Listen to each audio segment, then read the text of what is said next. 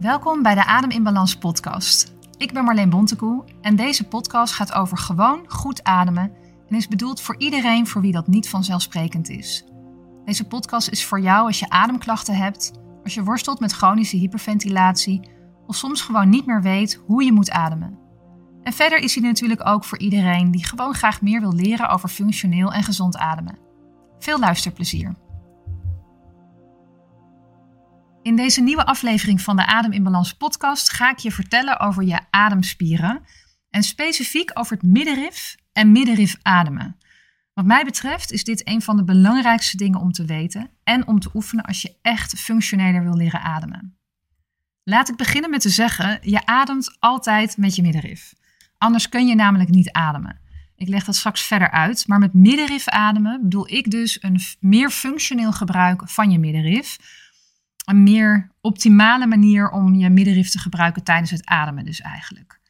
Want dat is waar bij veel mensen nog veel winst te behalen valt. Of je nou last hebt van chronische hyperventilatie of niet.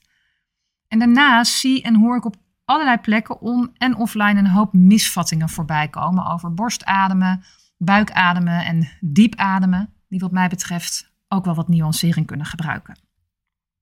Maar laten we eerst eens kijken naar de spieren die we allemaal gebruiken bij het ademen. Want dat zijn er nogal wat. Je gebruikt spieren vanuit je schedel tot ongeveer in je bekken om te kunnen ademen. Ik noem ze ademspieren en die kun je grofweg groeperen in primaire en secundaire ademspieren. De primaire spieren zijn grote sterke spieren, zoals bijvoorbeeld het middenrif, maar ook de schuine buikspieren, tussenribspieren. En die zitten lager in de torso en die doen al de heavy lifting. Het zware werk dus. De secundaire spieren zitten hoger in ons lichaam, voornamelijk in onze borst, uh, de spieren tussen je ribben, daarboven en je hals. Ze zijn kleiner en hun functie is om die primaire spieren te ondersteunen. Maar ze kunnen ook heel sterk zijn wanneer dat nodig is. Bijvoorbeeld in nood, wanneer je moet vechten of vluchten. Ik noem de primaire ademspieren ook nog wel eens de duurlopers en de secundaire spieren de sprinters. Nou, in een optimale situatie doen de primaire spieren zo'n 80% van het werk en de secundaire spieren 20%. En wat we in langdurige stresssituaties en bij chronische hyperventilatie juist vaak doen, is die rollen omdraaien. Je gebruikt in zo'n geval de kleine spieren in je borst en je hals als de primaire ademspieren. Dus je gebruikt ze langdurig voor het zware werk en daar zijn ze niet voor gemaakt. Want met deze kleine spieren kun je je inademing namelijk helemaal niet volledig afmaken, waardoor je te snel weer uitademt en vervolgens ook weer te snel in. En als je op die manier ademt, ga je dus steeds korter en sneller ademen. En je creëert op die manier ook nog eens onnodig veel spanning in je borst, in je schouders, in je nek en zelfs je kaken. Want die spieren daar raken gewoon overbelast van die omgekeerde manier van ademen. Heb je dus vaak last van stijve spieren daar, dan kan dat dus komen omdat je te veel primair vanuit je borst ademt.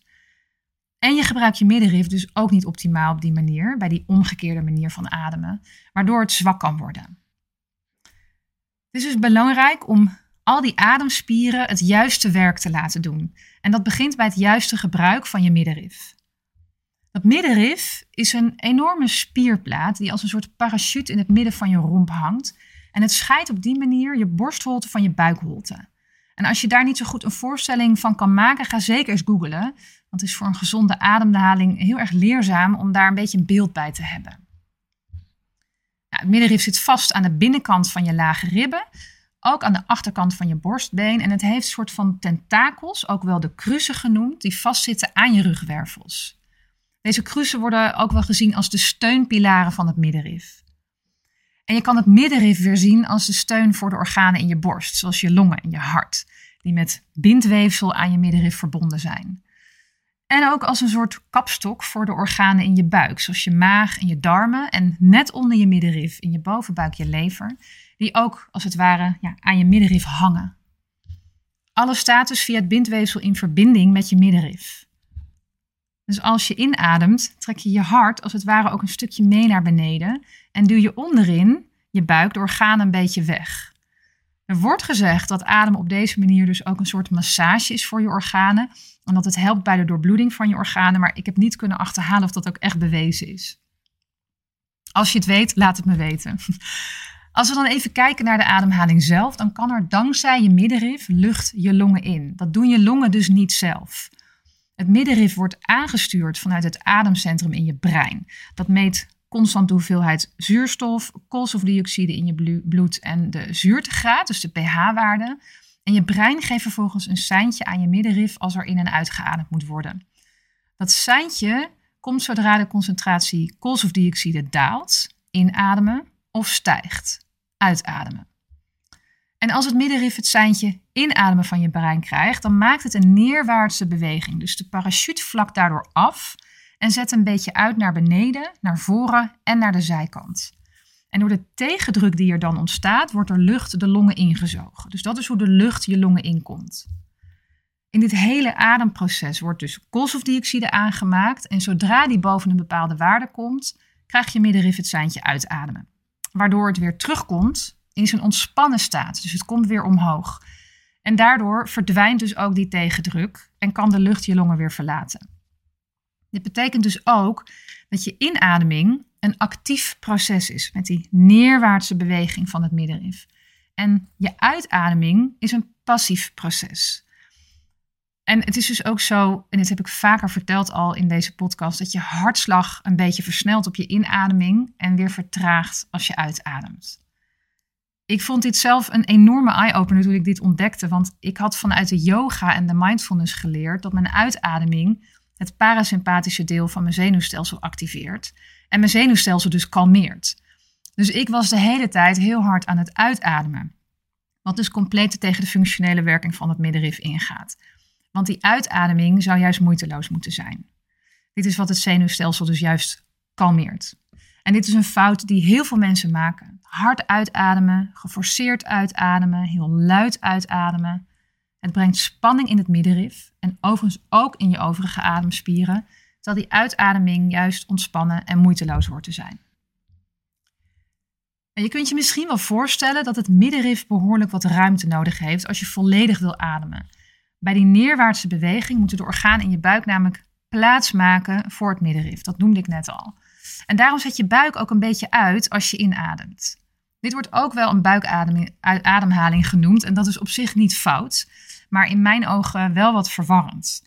Als je namelijk heel bewust naar je buik ademt, helemaal naar beneden dus, dan hoeft dat dus niet te betekenen dat je je middenrif ook optimaal gebruikt. Focus op je onderste ribben bij je inademing is dus eigenlijk veel functioneler dan op je buik. Want zolang je buik ruimte krijgt, komt die vanzelf wel naar voren. Daar zou je dus eigenlijk helemaal niet zo op hoeven te letten. Het is alleen wel belangrijk dat je je buik de ruimte geeft. Dus dat je niet in elkaar gedoken zit en niet hele strakke broeken draagt. Want als je buik geen ruimte kan maken voor je middenrif, kan je middenrif niet die volledige beweging maken en kan jij dus niet volledig in en uitademen. Daarnaast hebben we ook vaak de neiging om bewust naar voren te ademen, dat middenrif juist ook ruimte nodig heeft in de flanken. Dit wordt ook wel lateral breathing genoemd, dus lateraal ademen in ingewikkeld Nederlands. Als het op dit moment kan, kan je het dus proberen. Dus ademen naar de zijkanten van de onderste ribben. Soms kan het helpen om daar even je handen neer te leggen. Dus je vingers op de voorkant van je ribben en je handpalm aan de zijkant. Zodat je de beweging beide kanten op goed kan waarnemen. En je zou dan op je inademing je ribben naar voren moeten voelen en naar de zijkanten. En misschien voel je je adem ook een beetje in je rug. Als je alleen op je buik focust, dan pak je die ademruimte dus eigenlijk niet functioneel. Leuk om te weten trouwens, ehm, is dat vrouwen van nature meer ruimte hebben in de flanken. En dat komt omdat ze bij een eventuele zwangerschap aan de voorkant minder ruimte hebben. Waarom is dat middenrif ademen nou zo belangrijk? Er zijn meerdere redenen. De belangrijkste reden is omdat de lucht die je inademt op deze manier beter onder in je longen kan komen. In je longen zitten bronchiën en longblaasjes die de zuurstof uit de lucht halen en naar je bloed brengen. Maar dat gebeurt alleen in de onderste bronchiën, dus onderin je longen. Daarom is het ook zo belangrijk om diep te ademen. Voor ik verder vertel, adem nu eerst even één keer diep in. Wat deed je precies? Ik vraag dit natuurlijk met een reden, want op de een of andere manier hebben we allemaal geleerd dat diep ademen betekent dat we een grote ademteug moeten nemen. En misschien deed jij dat net ook wel, want dat is een beetje een gewoonte die we met z'n allen hebben geleerd. De kans dat je dan juist vooral in je borst ademt, is alleen op die manier heel groot. Dus dit is eigenlijk niet diep ademen, maar groot ademen. En dat is een heel belangrijk verschil. Bij een functionele ademhaling vul je je longen helemaal tot onderin je lucht. Uh, tot onderin met lucht, dus diep. Maar daarvoor is helemaal geen grote ademteug nodig. Dus juist eigenlijk niet. Hoe meer lucht je inademt, hoe moeilijker de lucht onderin je longen kan komen. En bij grote ademteugen verlies je bij het uitademen ook veel koolstofdioxide, wat de zuurstofafgifte aan de cellen belemmert en op lange termijn kan zorgen voor overademen, dus chronische hyperventilatie. De juiste manier om diep te ademen is dus om je middenrif optimaal te gebruiken en rustig in te ademen. Je ademt zacht in de voor- en de zijkanten van je onderste ribben. Zo kan de lucht tot onder in je longen komen. Dat betekent overigens niet dat je helemaal niet met je borst mag ademen. Dat is ook weer zo'n misvatting. Je longen beginnen zo ongeveer onder je sleutelbeenderen, dus de lucht gaat ook daar langs je borst als je ademt. Voor een functionele, volledige ademhaling gaat de lucht van boven helemaal naar beneden en weer terug. Dus denk ook weer aan die 80-20 regel. Je ademt 20% met je secundaire ademspieren meer bovenin, 80% met je primaire spieren meer onderin. In mijn training heb ik daarvoor ook een plaatje, plaatje van een poppetje met een driehoek in het bovenlichaam. En de juiste positie van die driehoek is als, de, als een piramide. Dus de punt ongeveer ter hoogte van de borst. En het brede stuk, dus het zwaartepunt van je adem, ligt onderin je bovenlichaam bij je middenrif. Maar er zijn meer redenen om je middenrif optimaal te gebruiken. En één daarvan heb ik al genoemd. Je vermindert ermee spanning in je nek, in je schouders, op je borst, in je hals, in je kaken, omdat je secundaire ademspieren gebruikt worden waarvoor ze bedoeld zijn, namelijk ondersteunend. En daardoor worden ze minder belast. Dus als je gaat oefenen met functioneel middenrif ademen, dan zul je op termijn merken dat er in die gebieden ook meer ontspanning ontstaat. Daarnaast heeft middenrif ademen nog een heel andere functie in je lichaam. Het zorgt namelijk voor een stabiele rug en een betere houding. Nou ben ik natuurlijk geen fysiotherapeut, dus dit gaat wat verder dan mijn kennis, maar ik vind het toch leuk om er iets over te zeggen. Ik vertelde al over die onderdruk die het middenrif bij de inademing in de borstkas creëert waardoor de lucht de longen ingezogen kan worden. En door deze beweging van het middenrif ontstaat er ook intra-abdominale druk. Dat betekent druk in je buikholte. En die druk helpt je rug stabiel te houden. Dus door een verkeerde ademhaling is er dus niet genoeg druk in je buik, wat dus instabiliteit tot gevolg kan hebben en dus op termijn ook rugklachten kan geven. Maar het is ook andersom. Dus rugklachten kunnen ook zorgen voor ademklachten, wanneer het middenrif niet volledig naar beneden en weer terug omhoog kan komen. En hetzelfde geldt voor bekkenklachten. Dus door je bekken loopt aan beide kanten de psoasspier. En die zit vast aan je ruggenwervels op dezelfde plek als het middenrif. Die twee hebben dus invloed op elkaar. Die kunnen spanning aan elkaar doorgeven. Spanning in de psoasspieren kan zorgen voor spanning in het middenrif en andersom. Dus ik reken voor het gemak zelfs ook die psoasspieren mee als ademspieren, omdat ze direct invloed hebben op je middenrif. Ik spreek heel regelmatig mensen die heel veel spanning hebben in hun middenrif. En dat belemmert echt een functionele ontspannen ademhaling. En het belemmert een diepe ademhaling. Het kan komen door spierspanning, maar het kan ook te maken hebben met verklevingen van het bindweefsel of met de ribben. Of het komt heel ergens anders vandaan, bijvoorbeeld dus uit het bekken. En dan kan je dus wel braaf met je handen op je ribben gaan oefenen, maar dat heeft vaak niet zoveel nut, want spanning in het middenrif heeft direct gevolgen voor de mobiliteit van die spier. Dus je kan letterlijk niet volledig in- en uitademen. En daarmee heeft het dus ook gevolgen voor de aanhechtingsplaats van het middenrif. Dus je borstbeen, de lage ribben en de wervels bij de overgang tussen de borstwervels en de lage rugwervels. En dat uit zich dan in pijn op de borst of zeurende pijn tussen je schouderbladen, pijn in je lage ribben of in je wervels. Dus het is heel belangrijk dat je middenrif sterk is, zoals dat bij alle spieren het geval is, en dat je hem functioneel gebruikt. Maar het moet ook ontspannen en soepel zijn.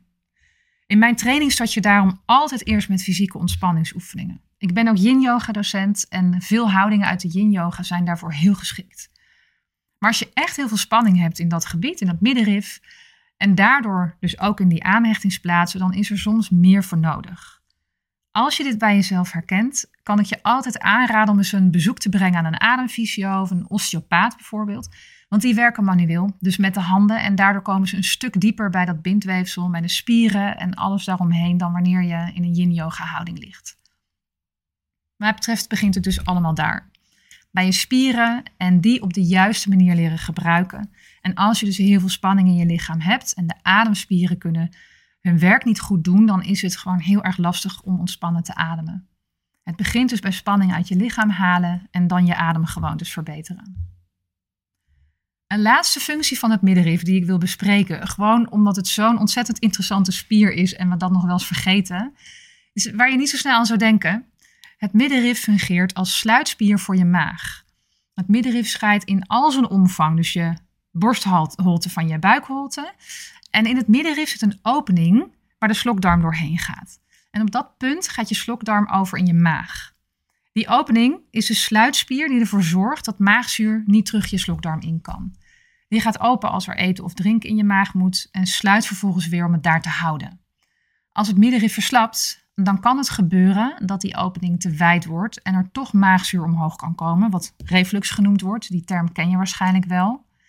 Je kent de verwijding van die opening misschien ook wel als een middenrifbreuk. Daar kan je mee geboren worden, maar het kan ook later ontstaan. Door een ongeval of bijvoorbeeld door ouder worden of wanneer je te zwaar bent.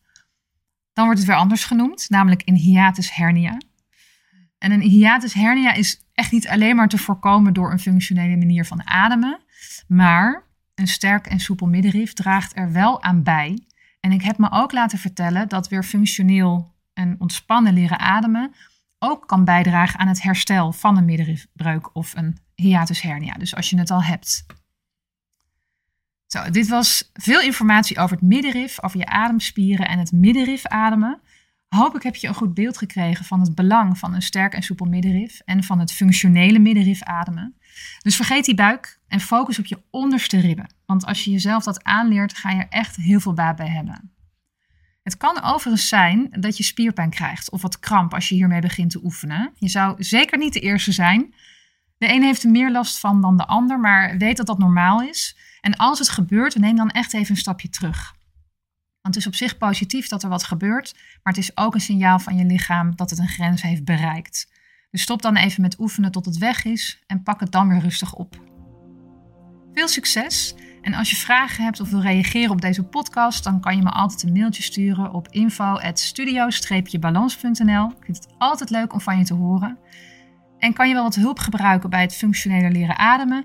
Kijk dan vooral ook eventjes op mijn website. Dat is studio-balans.nl. Want ik geef regelmatig workshops en live trainingen. En met de on-demand training kan je zelfs vandaag nog beginnen.